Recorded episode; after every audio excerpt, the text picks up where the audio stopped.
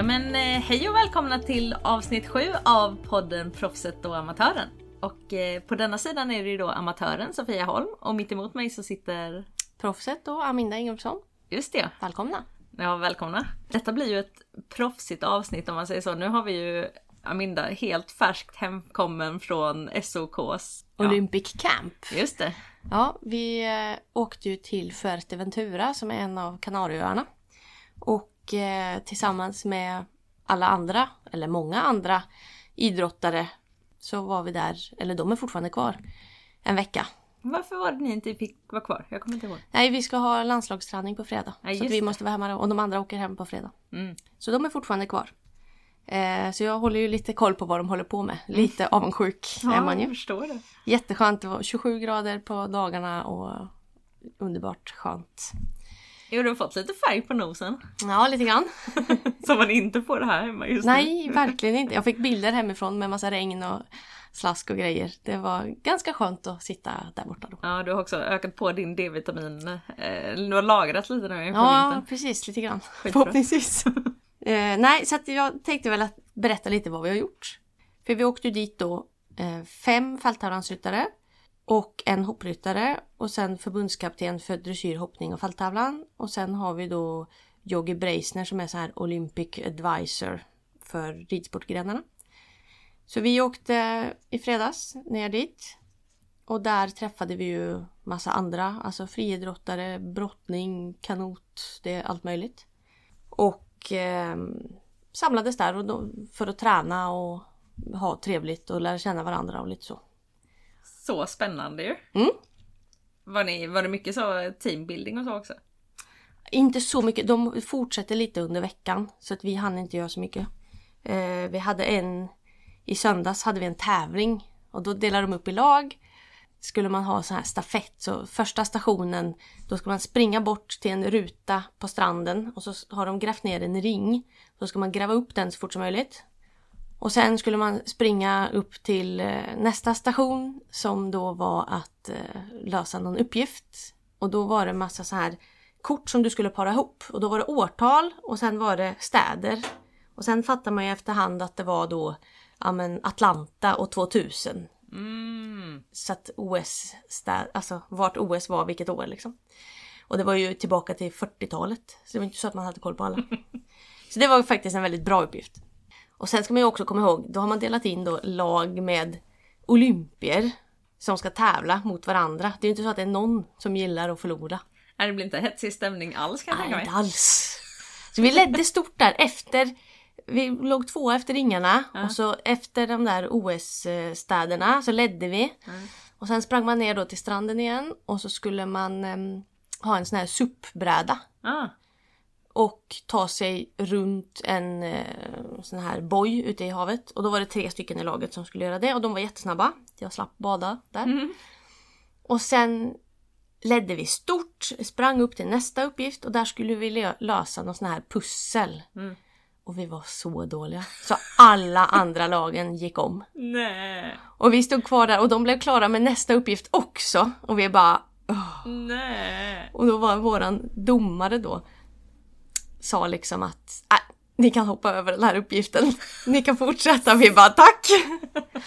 och sen skulle man eh, bygga ett torn med stenar 80 cm högt som skulle stå kvar. Och det gick ganska fort. Och sen skulle man springa och kasta då, man fick ju de här ringarna, en för varje färdig uppgift. Så de skulle man kasta då på en pinne. Och pinnarna var jättelångt bort. Eh, ringarna var jättesmå, jättelätta och det blåste så det var ganska svårt. Så då kom vi ändå ikapp de andra.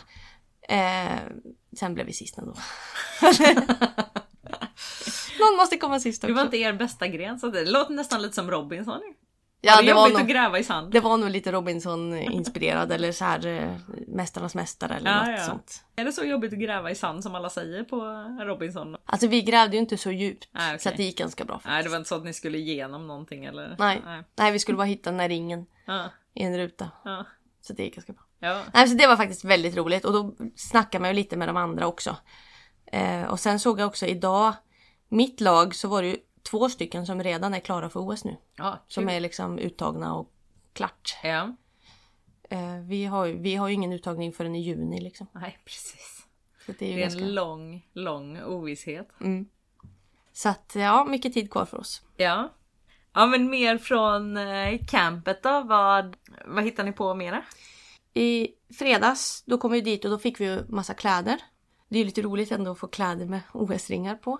Eh, och de vill de ju att vi ska använda för att det ska, deras partners och så ska synas. Det är ju Uniqlo som gör kläderna. Det är ju typ ett japanskt H&M liksom. Och sen är det Svenska Spel. Det är väl de som syns mest liksom. Och sen hade vi någon så här intro. De berättade lite om OS i Paris och lite historia och hur det var förra gången, Tokyo. Och vad som hade hänt då, vilka som tog medaljer och att hur många medaljer man hoppades på att få och sånt där. Och det var också ganska roligt för då satt vi också allihopa tillsammans och såg på de här filmerna de hade gjort. Eh, Inför de OS-arna? Eller nej? Nej, alltså de hade liksom filmer från förra OS och så hade de ju bilder på när liksom, ja, men de tog medaljer och de blev glada och Ah. det var ju lite så inspirerande. Ja, Ja. precis. Så det var faktiskt också väldigt roligt. Och så fick man också ja, se alla andra för det är klart, även, man, alla kommer ju inte samtidigt. Och då är det liksom, ja men den där känner man ju igen fast man vet inte riktigt vem det är. Nej. Ja men den där känner man igen. Ja men som Daniel Ståhl till exempel, han är ju två meter lång. Man känner sig ganska liten med honom.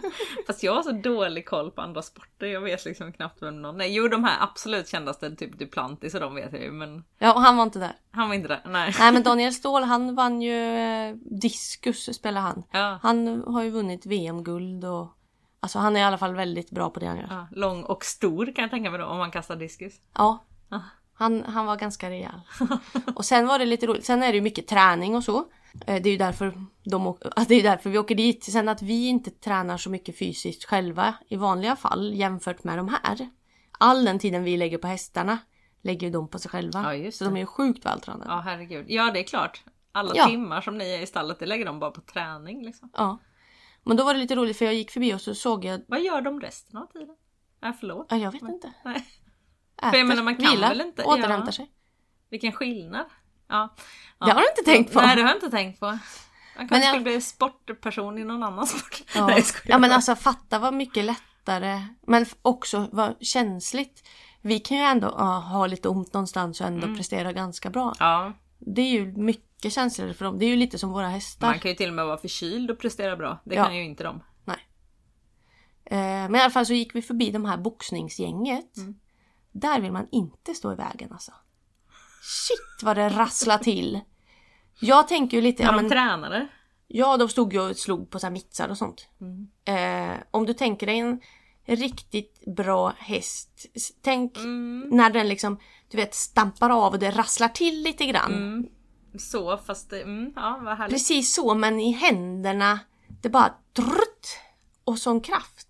Riktigt häftigt. Som sagt, där vill man inte stå i vägen alltså. Du kunde fått eh, barra dem då, eller vad heter det? Sparra? Ja, jag, jag sparrar va? Ingen aning. Ja, jag, sku- som sagt, jag vill, jag, håller, jag, jag tittar på, det räcker. Ja. Och sen får de gärna slå på mittsar och inte på människor. Nej precis. Nej, och sen hade vi ju träff med våran fystränare. Eh, han hjälper oss liksom att träna lite allmänt så att vi är...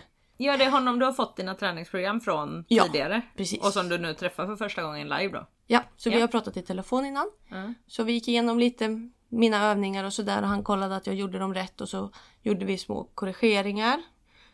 Och så träff, trä, mm, träffade vi även våran um, sjukgymnast som vi har genom SOK. Märker du skillnad eh, nu när du har fystränat lite mer ridmässigt liksom? Alltså man blir ju inte trött på samma sätt men nu har jag heller inte alla hästar fullt igång. Nej. Så att eh, vi får se sen. Mm. Eh, Men känner du något i stabilitet och så liksom eller? Det är ju snarare så att man kanske blir mera medveten om sina svagheter. Mm. och oliksidigheter och sånt. Ehm, och det är också lite han den sjukgymnasten. Då kommer man dit och så säger man ja men jag kan inte göra si eller jag har svårt att göra så. Och så kommer han och så klämmer han någonstans och så säger man just det, aj där gjorde det ont. Och så säger han ja då måste du tänka på si eller så liksom. Um, eller det där kan du bara skita i för det är inget som kommer gå, bli sämre liksom utan det är bara att träna på. Ehm, Ja precis, ju- det gör inget att du har ont här. Nej precis. Och det är ju jättebra att veta. Mm. För då kanske man kan strunta i det på ett annat sätt. För eh, sitter man och känner på något och funderar på kommer det här bli sämre om jag bara fortsätter? Då kanske man slutar. Jo, det är ju en jättestressande tanke. Ja. Eh, så honom träffade vi också. Och sen hade vi lite så här föreläsningar om antidopingprogram för människor då såklart. Ja, jag tänkte säga för det. De, de är ju inte hästfokuserade så va, i de allmänna genomgångarna liksom. Nej, vi hade ju en genomgång där bara ridsporten i Paris. Hur det kommer se ut och var vi ska bo och vart stallet är och hur det kommer se ut på ridbanan. Och de vet ju redan att optimaltiden i terrängen ska vara 9 minuter och 18 Nej, men- sekunder. Ja, det är ju bra. Ja, Då vet man vad man ska träna mot. precis. Det är inga 11 minuter, det är 9 och 18. Ja, okej. Mm. Ja, ja. Och då ska man ju rida över två såna här stora broar. För det är ju några kanaler sådär. Men nu kommer, nu vet jag att sist på EM då drog de ner tiden men det var ju för att det var så fruktansvärt blött. Ja. Vad har de någon anledning nu eller? Nej, de har väl bara bestämt att det ska vara så. Och det- jag tänker OS är ju svårare med för där ska ju alla länder som vill kan vara med. Ja, Så det känns ju som att någonstans måste ju banorna anpassas lite efter det också väl? Ja. det är ju ehm, flera länder med i OS än VM till exempel. Ja, det är det jag tänker. Och flera oerfarna länder eller vad man ska säga. Eller som inte har samma typ av eh, tränings... Ja, alltså de vill ju ha med alla världsdelar ju. Mm. Och det är ju inte så lätt. Alltså Afrika har ju inte så många med som rider fälttävlan. Nej. Men de kommer starta? Jag vet inte. Nej. Det får vi kolla upp. Ja. ja Okej, Eh. men då vet ni dem. Då har ni lite förutsättningar redan. Ja. Och vi vet ju också, alltså det är ju hyfsat platt. Tokyo var ju ganska kup- kuperat ju. Just det. Så mycket information kring sånt liksom. Eh, och så också lite intressant det här med antidoping eh, föreläsningen där. Då hade vi ju den på lördag kväll. Ja, pratar om, man har ju massa olika exempel då på mediciner och sånt där. Och man har ju ganska bra koll på sig själv. Eh, sen hade de ju en så här frågesport på eh, där vi fick, vi hade ju liksom ett ställe där vi kunde hänga. Där det fanns lite fika och det fanns eh, saker att hitta på och sånt där. Och där hade de en quiz. Eh, där de hade lagt upp olika läkemedel och så skulle man säga det här får du tävla på, det här får du inte tävla på. Så vi gick ju dit, det här var ju innan den här föreläsningen då. Så bara ja men här, eh, vanligt nässpray, får du tävla på det? Och sen är det så här, eh, det är tillåtet, det är tillåtet upp till en viss mängd, det är inte tillåtet och det är inte tillåtet men du kan få dispens. Eller, ja, lite sådana där olika. Så vi bara nässpray, alltså du borde ju få använda. Jag har inte hört att man inte, att det finns en gräns på det. Nej. Så vi blev lite osäkra. Ja. Och så var det sån här kortisonsalva, så bara, ja den här får vi ju inte tävla på. Det är 14 dagars karens På på, män- på hästen. Så bara, hur är det då på människa? så vi stod ju där som lite frågetecken och Ja. gissade. Men det blev ändå ganska bra utifrån vad... Hur var det med nässpray? Det var lugnt. Det var lugnt. Så det kan vi fortsätta Hur var använda. det med kortison? Var det... Nej. Jo. Eh, jo, det fick du nog. Ja. Jag ska inte svara på det. det Nej. Var det, stämde det väl överens med hur det funkar för hästarna? Ja, alltså vi resonerade ju ganska mycket kring hästarna och då blev det ändå hyfsat rätt. Vi var kanske lite hårdare så att många, när vi sa att ja, men det är tillåtet upp till en maxdos så kanske det var tillåtet. Ja, ja. Så. Ja, precis. Men i alla fall, och sen då efter den här föreläsningen sönd äh, lördag kväll och sen söndag morgon. ehm, då är vi, vi är fyra stycken som delade en lägenhet så vi var två, i, två och två i rummen. Så knackade det på dörren på morgonen. Och jag bara sa till hon som låg bredvid mig, så bara, är det våran dörr det knackar på? Hon bara, jag vet inte. "Ah, kan inte du kolla? För hon låg närmast dörren och hon klev upp och så bara hörde jag så här Hej, ja vi är från Antidoping Sverige, bla bla bla, Sofia, och- eller vad heter, jo Sofia och Aminda. Och jag bara... Nej. Så klockan sex på morgonen skulle vi lämna urinprov för Nej. antidoping. Nej. Utanför. Ja, det är klart. Det är ju klart att man inte förvarnar för det. Nej, Nej. det gör man ju inte. Nej. Så det var bara för att simulera då hur det hade kunnat vara? Nej, nej, ja, det var, så var det ju. Vi fick ju lämna. Okej. Och, eh, så då ska man ju då kissa i en burk där klockan Ja. sex på morgonen. Ja. Och, det, är- och lämna massa uppgifter och Ja. så. Eh, Men det lyckades vi med till slut. Sen, sen kom vi till frukosten och vi bara ja, berätta om det här. Och sen var det ju en som hade blivit testad på kvällen innan också. Eh, Tio på kvällen hade hon knackat på oss. Den ryttaren. Spännande, men jag tänker det kan inte vara så många ryttare som dopar sig för prestations skull. Då kanske det är att man brukar något annat som man inte får, men det lär ju inte vara för prestationens skull. Nej, framförallt inte vi fälttävlansryttare så här i november. Eller? Så mycket lågsäsong det kan vara. I så fall så är det ju Ja, men, eh, ja, men lite så, otur. något man, eller något man inte vet om då Ja. liksom. Men det är Eh. klart, det har jag inte, jag har inte ens reflekterat över det på människa. Har, man Nej. tänker mycket kring det på hästarna. Ja. Liksom. Nej, och du, på just ridsporten så ska du ändå upp till en viss nivå innan du börjar bli testad. Mm.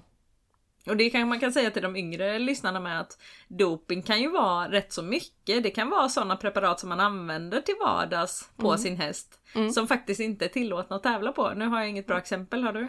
Ja men bara ett exempel vad gäller människa. Mm. Så är det ju eh, en ryttare jag känner som ju använder ADHD-medicin. Och den måste man ju ha dispens för att Ja. få tävla på. Jo men det är ju centralstimulerande. Det är ju amfetamin. Det är ju för att stimulera hjärnan så att du liksom, vad ska man säga, personens eh, energi blir på samma nivå som hjärnan. För annars försöker ju en ADHD-person ofta hitta den stimulin i andra sätt, liksom genom att röra sig eller genom att eh, utsätta sig för grejer. Liksom. Mhm. Och då hjälper medicinen mot det. Liksom. Så att man blir lite, lite lugnare i tanken. Mm. Men det är ju klart att man inte får ha den... Eh... Hur som helst, nej. Nej. Nej. Nej, så det kan man ju ha dispens för då om man eh, ska tävla. Jag har inte riktigt koll på hur det är nationellt men jag antar att det kan vara så då också. Hon har i alla fall en eh, dispens hos FI för att få tävla internationellt och den gäller även nationellt då. Mm, kanske man behöver kolla upp. Om man har ADHD. Kan man nog. Det, man, det finns ju antidoping.se kan man läsa. Det Ja. finns ju den här rödgröna listan så man kan gå in och kolla Ja, ja. sina medikamenter. Ja men är det inte vissa basic grejer, typ vissa liniment och sånt? Som inte är okej på häst? Ja, du har ju eh, vissa liniment som innehåller mentol. Får man ju inte ha. Det är ju 96 timmars karenstid. Och det brukar ju stå på flaskorna när man köper dem. Sen kan det vara bra att läsa på själv också. Ja, och då finns det ju, om man söker karenstidslistor häst. eh, Så får man upp listan och där kan man hitta många olika saker. Typ eh, avmaskningsmedel. Hur länge är det karenstid på det? Eh, fyra dagar. Ja, 96 timmar. Mm. Alltså det är lite sådana saker man kan vara bra att läsa igenom. Både på människor och på hästar. Ja för just avmaskning kan jag tänka mig att man inte tänker på. Nej. Och sen också sådär att någon kanske har fodrat sin häst med Metacam i en hink. Mm. Och sen använder du hinken till din häst till någonting. Det kan ju bli ett problem. Vi försöker ju ha eh, röda hinkar till sånt i Det är ju jättesmart. Och- Eller att man skriver på liksom doping. Medicinhink. Precis. Dopinghink. Ja, doping. Eh, ja men det blir ju det. Ja. Jag är ju också så. Alla flaskor och burkar och tuber. Är det så att det är karenstid på så brukar jag skriva hur lång karenstid det är på. ja det är smart. Så till exempel på linimenten så är det liksom, är det någon med karenstid så står det 96 timmar på. Får jag någon tub med någon salva, är det karenstid då skriver jag 96. Det i och för sig hade varit bra kanske att skriva noll också för att vara säker på att man har kollat upp just den. Ja, och är det inte så också att eh, det finns inom vissa nivåer får det finnas, men har du då flera olika medicament inom samma, eller eh, som hästen svarar positivt för, då gäller inte det liksom. Mm, och det, det är ju till exempel då, ja men eh, mentol, eh, sådana saker, alltså koffein, till exempel. Det är det ju 96 timmar på också, så tänk på ingen cola eller kaffe i stallet. Ehm, om det finns spår av det så är det okej. Eh, men de nivåerna är ju liksom inte allmänt... Alltså de står inte någonstans. Du kan inte gå in och läsa hur mycket. Och det säger ju inte heller dig så mycket. Nej, och det var det jag menar då att har du då både råkat använda ett liniment och eh, så har hästen spårat koffein, ja då är du körd ändå för att då spelar det ingen roll nivån. Nej, för då är precis, är det flera saker så säger de att då är det, det här är en cocktail, den här får du inte ha. Ja. Då det, får du inte ha någonting alls. Liksom.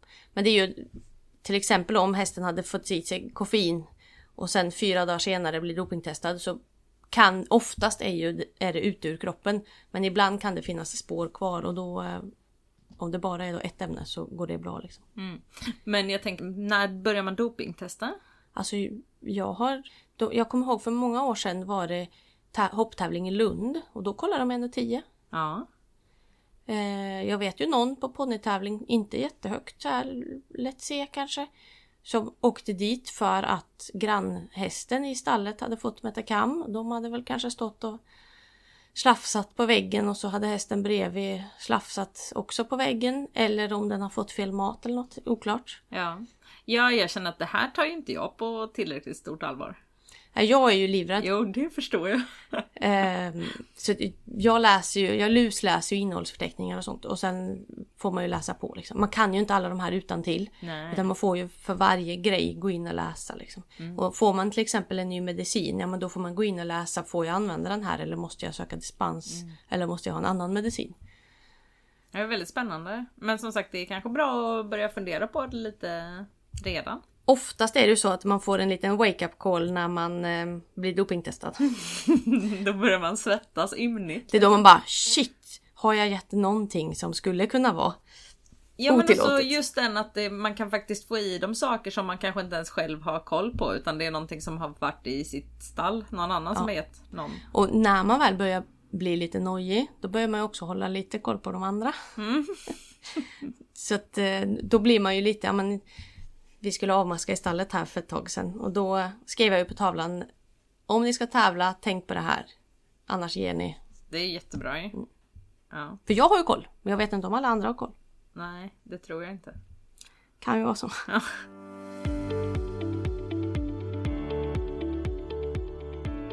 Men du, då måste ni också ha gått in nu mycket på förberedelse för OS. Hur lägger ni upp tiden fram till OS nu? För du måste, du och slipsen är det som det gäller främst eller? HC också? Jag tänkte försöka kvala HC också. Ja. Eh, det bästa är om man har två hästar. Ja. Men nej, vi hade, eh, alla hade liksom individuella samtal där man eh, diskuterar lite året som har varit, vad, man, vad som har varit bra, vad som har varit mindre bra, vad man ska ändra på och hur man, om man fick välja helt själv, hur skulle tävlingsterminen se ut nästa år? Och lite vad man har tänkt nästa år. Vill du, innan du går in på den, vill du ge några exempel på vad var det som var bra, vad var det som var dåligt? Har du några... Alltså min säsong blev ju lite kort. Ja. För hästen blev ju skadad i somras. Mm. Så att nu, en sak som då jag ändrar på är att nu kollar jag hästarna en gång i veckan med den här appen Sleip. För att se att de ser likadana ut. Eh, att det inte är något ben som ändrar sig liksom. Och eh, det är ju en viktig grej i att hålla en häst frisk, att upptäcka det tidigt. Eh, en annan grej är att jag har även nu möjlighet att rida ett annat ridhus med ett annat underlag så att jag varierar ännu lite mer underlaget. Fibersand och eh, Ja. sand flisblandning. Och sen ute då såklart. Mm. Men att man kan variera så mycket som möjligt även om det börjar bli liksom fruset och kallt ute. Att man, när man då hamnar inne lätt, att man ändå kan variera. För att också undvika skador. Liksom. Och sen eh, också då att i år så började jag med en fyrstjärnig. För jag tänkte att ja, men han, är- och han kändes jättefin och det kanske hade gått bra också om det inte var så att vi hade fått ett missförstånd på ett hinder. Så ja, han tappade mig. Ja. Men nästa år att jag vill ha i alla fall en trestjärnig innan, kanske till och med två. Det beror lite på hur det går. Och då är frågan hur tidigt behöver man ha den? Hur långt måste man åka? För när måste det vara färdigkvalat?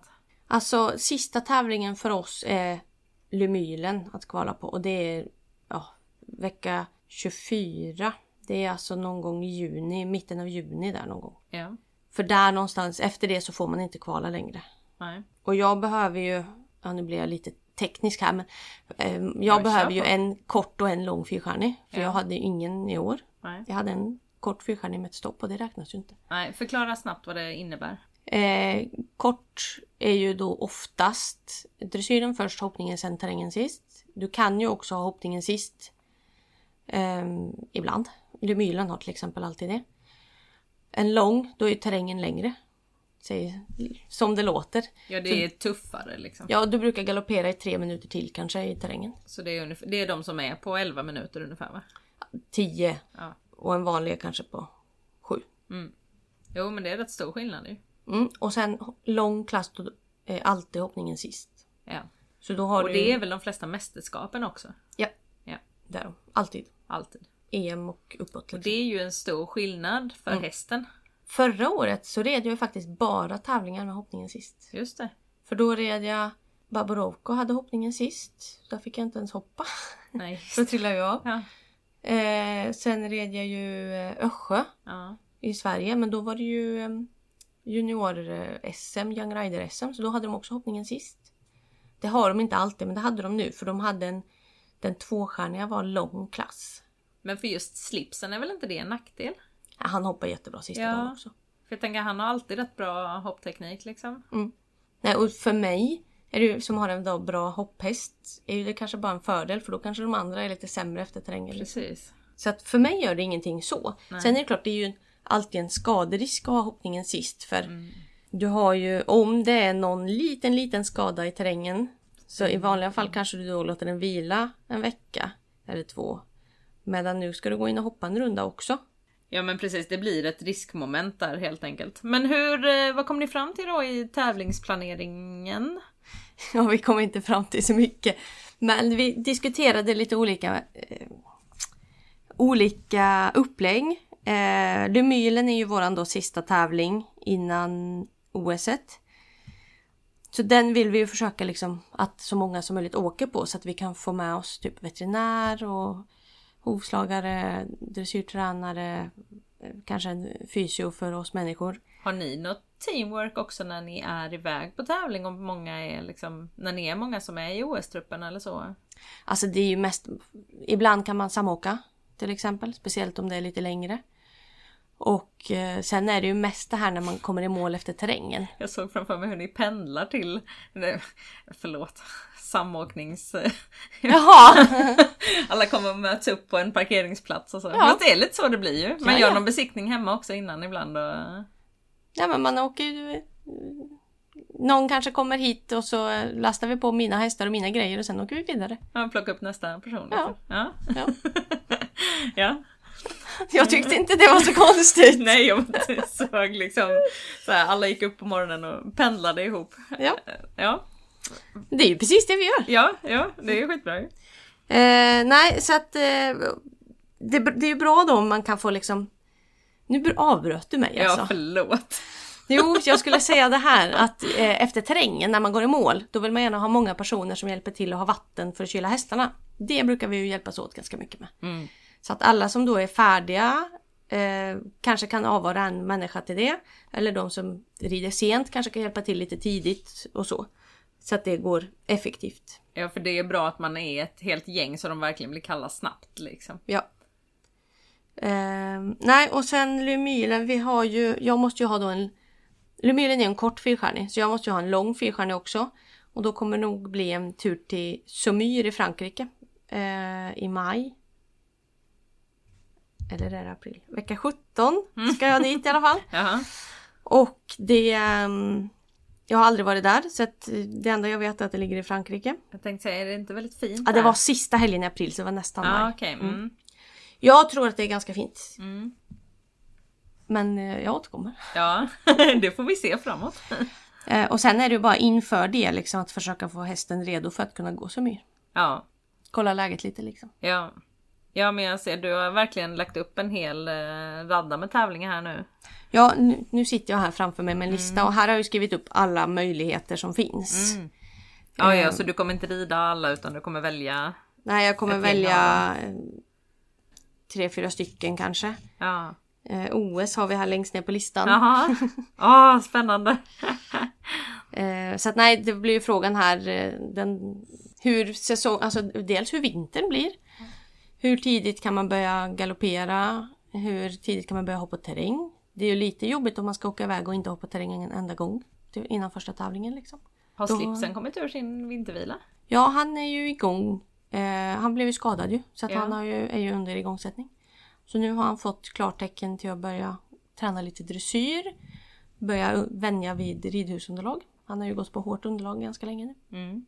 Så det gör vi just nu. Ja. Jobbar en kvart ungefär. Liksom, hur lång tid tar det att bygga upp konditionen igen? Och styrkan liksom? Alltså konditionen går ganska fort. Det är mer det här att hållbarheten, massa senor, muskler, ligament, allt det där. Men nu har han ju varit igång ganska länge. Ja precis, bara att han har varit under eh, restriktioner liksom. Ja, så han har ju fått en väldigt långsam uppbyggnadsperiod. skrittat länge. Travat två minuter, fyra minuter, sex minuter. Kanske höjt dem med två minuter i veckan där när vi väl fick börja öka på. Så långsamt gör man ju inte uppbyggnad I vanliga i fall. vanliga fall. Men nu har han ju en skada så det är ju därför man vill ta det lite långsamt. Ju. Ja, och det kanske är positivt på sitt sätt. Precis. Men det känns som att vi kommer nog hinna vara i fas. Om det fortsätter läka så fint som det gör nu. Ja, precis. Och då vill du ha två trestjärniga och sen den fyrstjärniga i eh, Samir.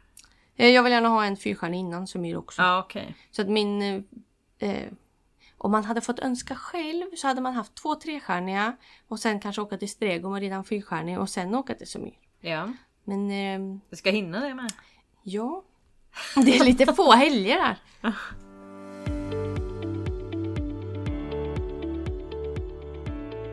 Ja, men väldigt, väldigt spännande. Vi ska, det ska bli kul att följa.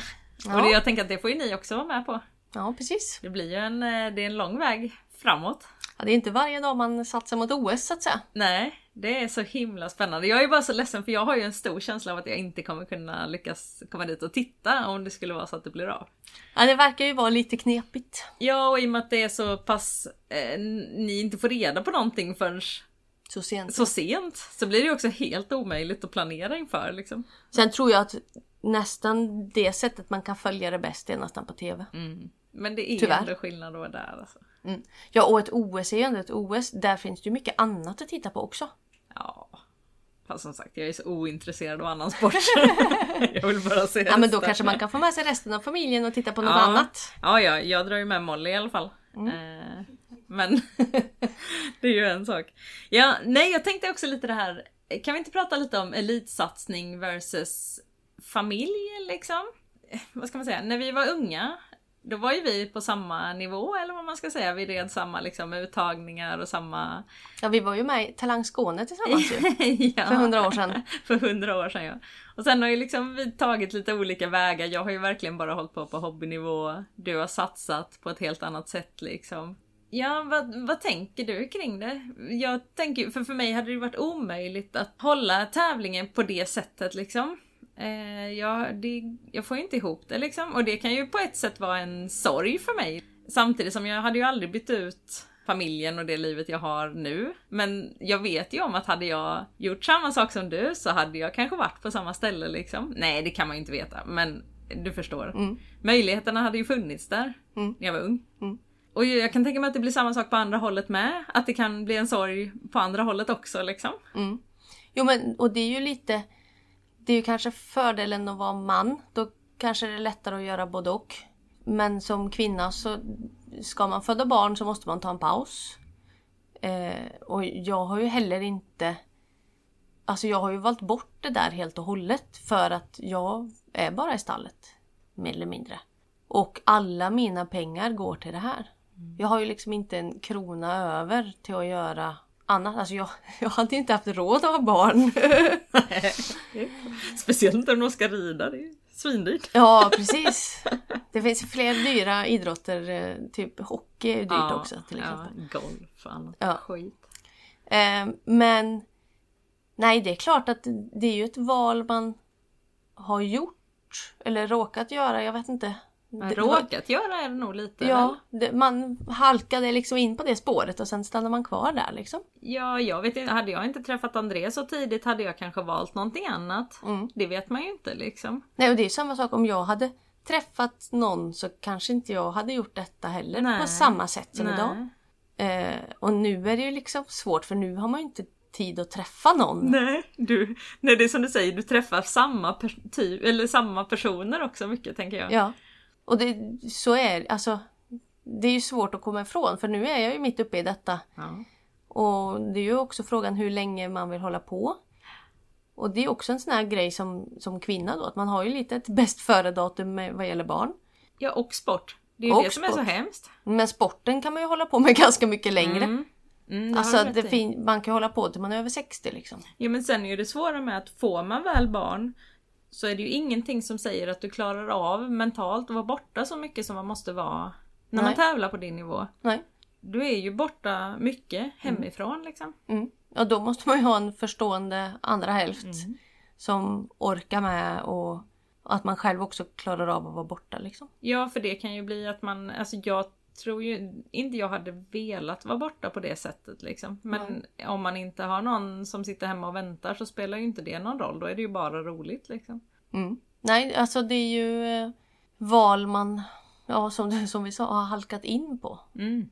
Och sen har man ju bara fortsatt köra på liksom. Samtidigt har du kanske alltid varit ännu mer driven än vad jag har varit tävlingsmässigt. Liksom, du tog ju upp ändå som Tracy som kanske inte var den mest kvalitativa hästen till väldigt höga nivåer i både hoppning och dressyr liksom.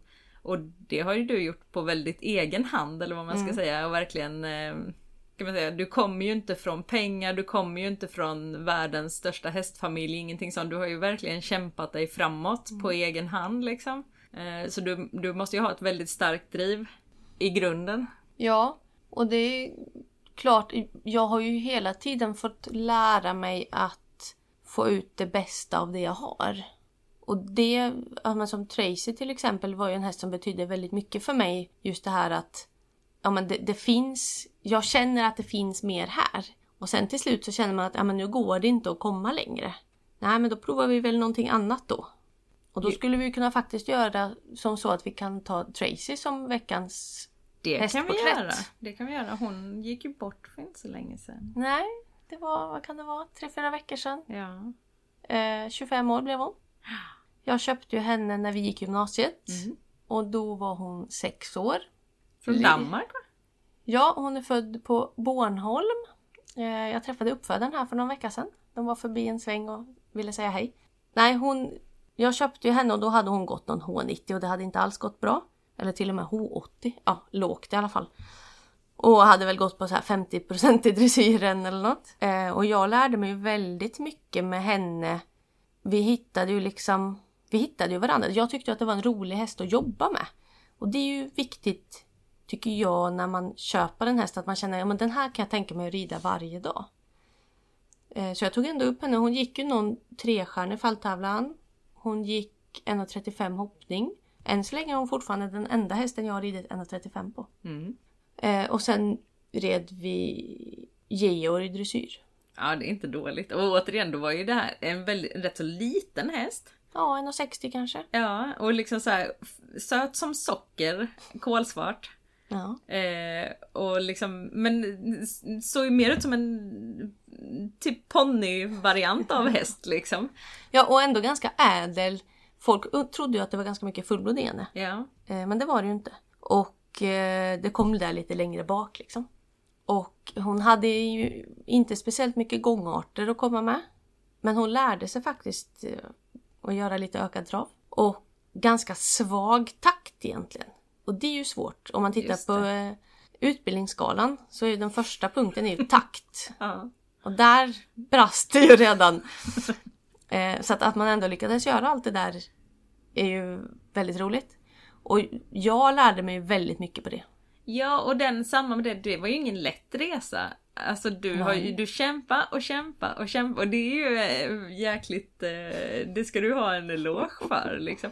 Jag och även hästen innan det, nu var det ju Tracy vi skulle prata om det men Tilia, Åh, vad du ja. kämpade med denna häst. Som vägrade och vägrade och vägrade. Mm, Hon vill inte hoppa lika högt som jag. Nej. Men du gav ju aldrig upp, det bara fortsatte ändå liksom. Ja, ja men det är inte, vad ska man ge, ge upp? Vad ska man göra då? Nej. Nej, liksom? nej. Ja, det var ju den jag hade att rida på. Ja.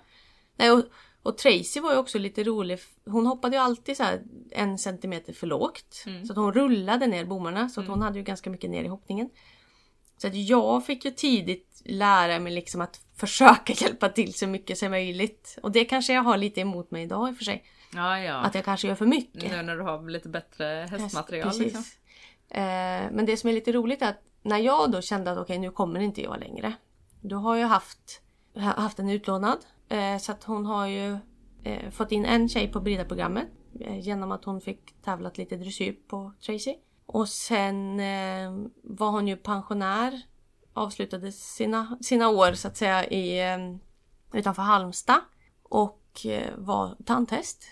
Och där var det också liksom, ja men ibland kom det ju någon då som skulle rida någon unghäst på terrängbanan och då fick hon följa med som sällskap. Och hon bara yes! Nu ska vi hoppa terräng! Och så fick hon kanske hoppa någon stock där som draghjälp och hon bara älskade det. Hon var så lycklig. Och det fick hon ju göra helt in i slutet. Och hon var ju också samtidigt väldigt snäll, hoppade ju lite utan rygg. så att hon var just väldigt det. lätt att följa. Mm. Och liksom inget så här flashigt eh, skjuta rygg över hindren liksom. Nej, hon lite nästan håller upp en med sin egen nacke. Liksom. Precis. Ehm, jag kommer ihåg jag trillade av en gång på Strömsholm i den Ja, den trestjärniga. jävla vattenspegeln. Ja. Och där var det ju liksom, ja men hon gick ner på knä och jag åkte ju med huvudet före mot hindret och sen skickade ju hon upp huvudet.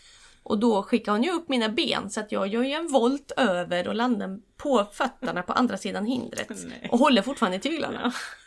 Eh, det finns bilder på detta, vi får se om vi kan hitta dem Ja, var det inte det hindret de till och med strök efter? Ja, vi var ju några stycken i rad där. Det var en som trillade av och bröt armen Ja, för det var ett upphopp på en vattenspegel, eller hur? Ja, för det var vattenhindret och så hoppade det upp och så var det fortfarande vatten Mm. På och upphoppet. hästarna kunde inte riktigt se att det var högre i landningen där liksom. Nej, så nu som. får man ju inte ha det längre. Nej. De använde det som exempel på någon sån här konferens på FI sen. Ja. Och sa att det här var en dum idé. Ja. Gör inte så. Nej men det är klart, det är ju omöjligt för hästen att läsa av ju. Ja. ja, för de kan ju inte se hur... När det är vatten så har de svårt att bedöma Ja, liksom. nivåskillnaden liksom. Ehm, Parentes. Ja. Nej, och Tracy är mycket man kan berätta om henne. Alltså hon eh, var väldigt rädd för traktorer. Men hon, hon gjorde ju aldrig någonting. Det enda hon gjorde var sänka ryggen, höja nacken och försöka liksom springa därifrån. Men kunde hon inte springa därifrån så bara kröp hon ihop och gjorde sig så liten som möjligt. Och sen kanske traktorn körde förbi och så sa hon "Ah." Ja, det var bra. Och det var inte så att hon liksom tog bettet och drog utan Nej. höll du kvar så stannade hon kvar. Ja. Var inte hennes specialitet också när hon inte hade lust med terrängen? Att bara stanna. Ja, det var ju lite så där eh, ett tag att i terrängen så var det antingen så vinner vi eller så blir vi uteslutna. Ja, och då inte på hinder utan hon bara nej. Ja, det var, det var lite olika. Ja, jag, Ibland stannade hon mitt emellan två hinder och så bara nej, jag vill inte springa på det Ja, hållet. Jag det, är men, det, jag, det är det jag minns att hon bara så här stannar mitt i banan och bara nej. Bara, nej. Okej. ja, och där var det också lite, det var ju när jag försökte rida trestjärnigt. Ja. Och hon liksom inte riktigt, det hände väl några gånger i tvåstjärnigt också. Och då behö, alltså, jag försökte några gånger och sen till slut så bara, nej men då gör vi väl dressyrhoppning istället. precis. Och det var då jag började göra den här dressyren för att rida lite högre dressyr. Mm. Och så började jag på beridarprogrammet och då eh, hade jag väl ridit med LSK B. Men då lärde vi oss lite halvpiruetter och seriebyten. Hon kunde byta varje. Mm. Hon kunde piaffera lite grann. Ja men tänk hon är egentligen Mm. riktiga grundbulten till din karriär liksom. Ja, hon lärde mig mycket. Ja. Ja du lärde henne mycket. Ja, det är också i och för sig. Ja, men jag lärde mig ju också att utbilda en häst. Ja. Så att det har jag ju igen idag liksom. Ja ja. Ja. att, ja, det var roligt. Ja. Det var en trevlig häst. Ja jättesöt. Mm. Ja, Tracy. Ja, det, hon hade det i alla fall bra vi hälsade ju på henne bara några månader innan hon gick bort ju. Just det, det var Gick sista och- gången jag hälsade på henne också. Ja, gav henne lite morot. Ja. Hon hade det bra i sin gräshage liksom. Ja, ja hon red ut helt in i det sista också. Så. att- Mm. Och det var ju tyvärr en skada som gjorde eh, ett senfäste som gick sönder som inte gick dit. gick att läka. Mm. Eh, eller det skulle ta väldigt lång tid, hon fick stå inne och sådär så då sa vi att det får hon Vid slippa. den åldern är det kanske inte schysst. Nej. Nej. Det var en sorglig dag men eh, vi är tacksamma för att hon fick vara med oss. Ja, verkligen. Och som du säger, hon har ju haft många, många ryttare på sitt eh, samvete tänkte jag säga. Men, Ja, hon har lärt upp många. Mm.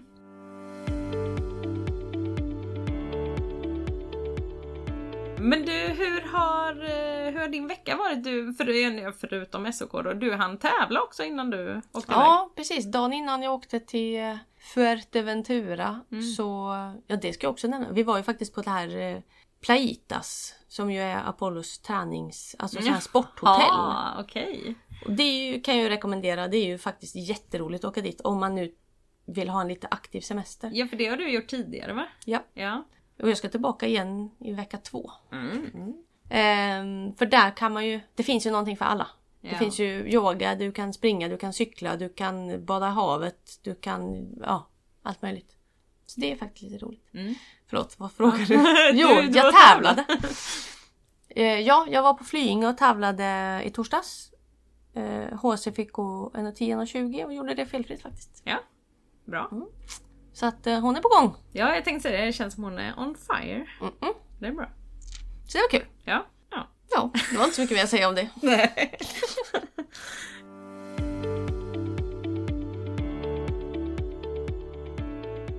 Ja, men eh, nu är det ju snart ny vecka, nya möjligheter. Är det så att ni har något planerat framöver? Nej, inte jättemycket. Någon hoppträning för ponnyn. Tävling inte förrän första helgen i december. För ponnyn också. Mm. Jag har ridit ut två gånger med min unghäst. Ja! Berätta!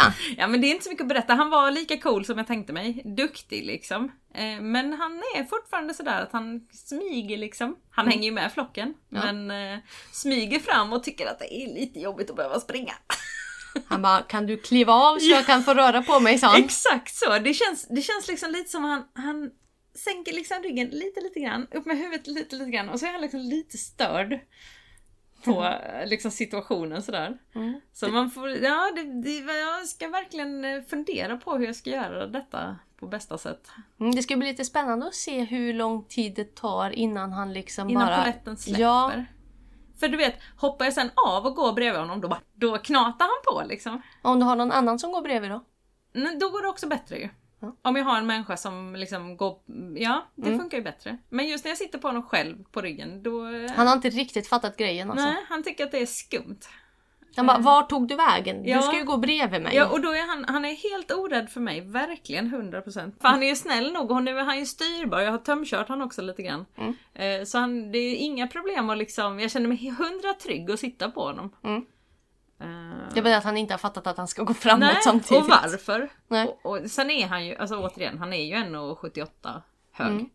Så det kanske också bara är så att jag får kanske ge honom en tre veckor eller någonting. Mm. Och så plocka upp det igen efter. Lite nyfiken bara, hur kommer du upp? Stege? Steg. Nej, jag sitter faktiskt upp på vanlig pall. Jag, ibland hoppar jag upp på någon barbacka och klättrar jag upp på en sån här tunna, ett sånt oljefat liksom. Ja. Och så bara kliver jag över. Men det är han också så himla rolig, han har lärt sig att parkera. Så han, Ja. det är han skitsnäll med. Jag bara liksom tar honom till mig och så, kom nu, och så parkerar han in vid oljefatet och så ska jag bara ställa mig över honom. Det är ju smidigt. Mm. Det är ju inte så lätt med de yngre. Nej, men där är han supercool. Ja. Och väldigt sådär. Och det tycker, han tycker också det är lite mysigt när jag gör det för han vet att hoppar jag upp barbacka då får han bara gå omkring som han själv vill. Liksom. Ja. Så det tycker han är, så då verkligen går han in och parkerar och så.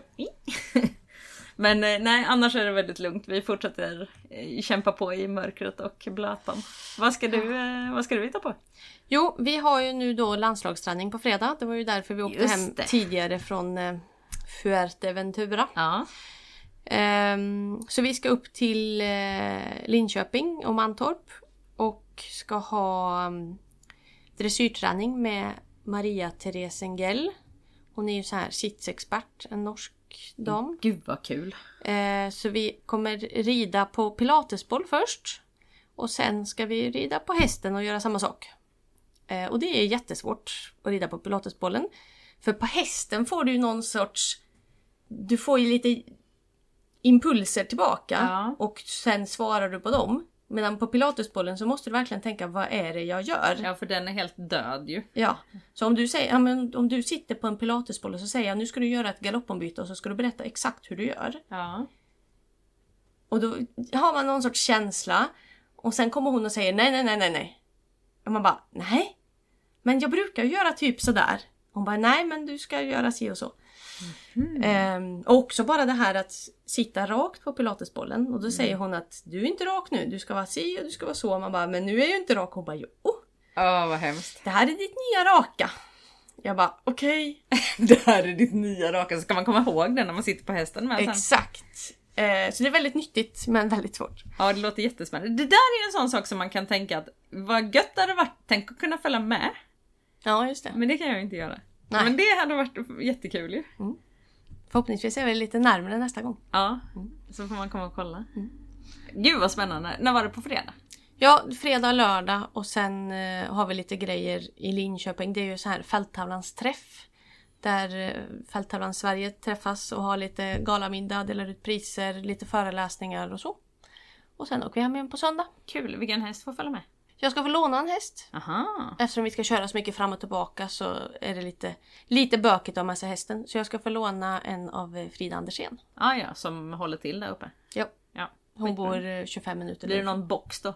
Ja, eh, hon hintade om att jag kanske skulle få rida boxleo. Ja, vad kul. Mm. Ja. Så ännu en VM-häst. ja, jätteroligt ju. Och också halvbrorsa då till slipsen. Ja, Samma ja, pappa. ja, just det. Just det. Samma. Jaguar mail va? Precis. Ja. Eh, Så det ska bli lite spännande. Eh, Du får mycket jämföra. sån positiv input just nu. Ja, men det, det är bra. Ja, kul. Det får vagga upp för mörkret och regnet. ja, precis. Ja, men eh, gud vad nice. Mm. Eh, ja, det var väl det vi hade för idag egentligen. Ja, Eh, som vanligt så vill vi ju jättegärna ha input från er på Instagram, proffset och amatoren. Och sen så har vi ju vår mail. ja proffset och amatoren at gmail.com. Och sen precis. har vi ju faktiskt skaffat nu ett TikTok-konto som vi inte riktigt har kommit igång med. Nej, det är inte superaktivt ännu va? Vi vill gärna veta vad ni tycker, så skriv gärna till oss. Ja, precis. Ja, men eh, på återseende nästa vecka. Ja, hej då! Hej då!